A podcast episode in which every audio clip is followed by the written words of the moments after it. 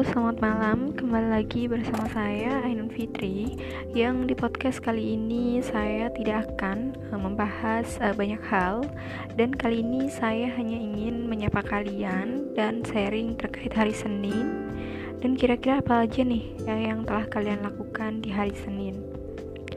Hari Senin memang sangat berat ya. Setelah kita melakukan dan menikmati liburan, kita harus mulai bekerja sekolah, kuliah kembali, sebenarnya hari Senin itu akan terasa berat jika kita tidak memiliki niat di dalam uh, di malam sebelumnya. Artinya pada hari Minggu malam harusnya kita sudah mulai menyiapkan apa pun yang akan berkaitan dengan esok Senin. Misalnya menyiapkan buku uh, bagi yang masih sekolah dan kuliah melihat jadwal dan prepare baju yang akan dipakai besok dan tentunya tidur lebih awal di minggu malam.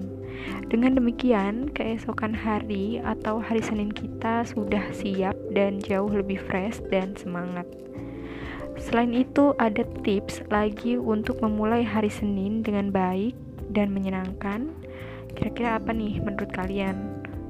Oke, okay, langsung saja. Mungkin uh, tips yang pertama ke kantor dan ke sekolah atau ke kampus lebih awal.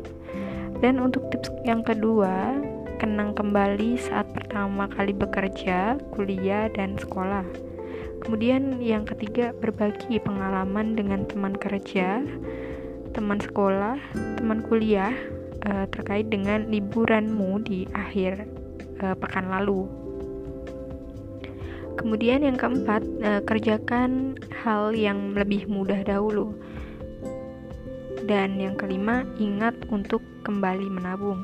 Nah, ini kelihatannya sepele, tapi ini susah dilakukan karena kita terlanjur e, berpikiran kalau hari Senin adalah hari yang melelahkan.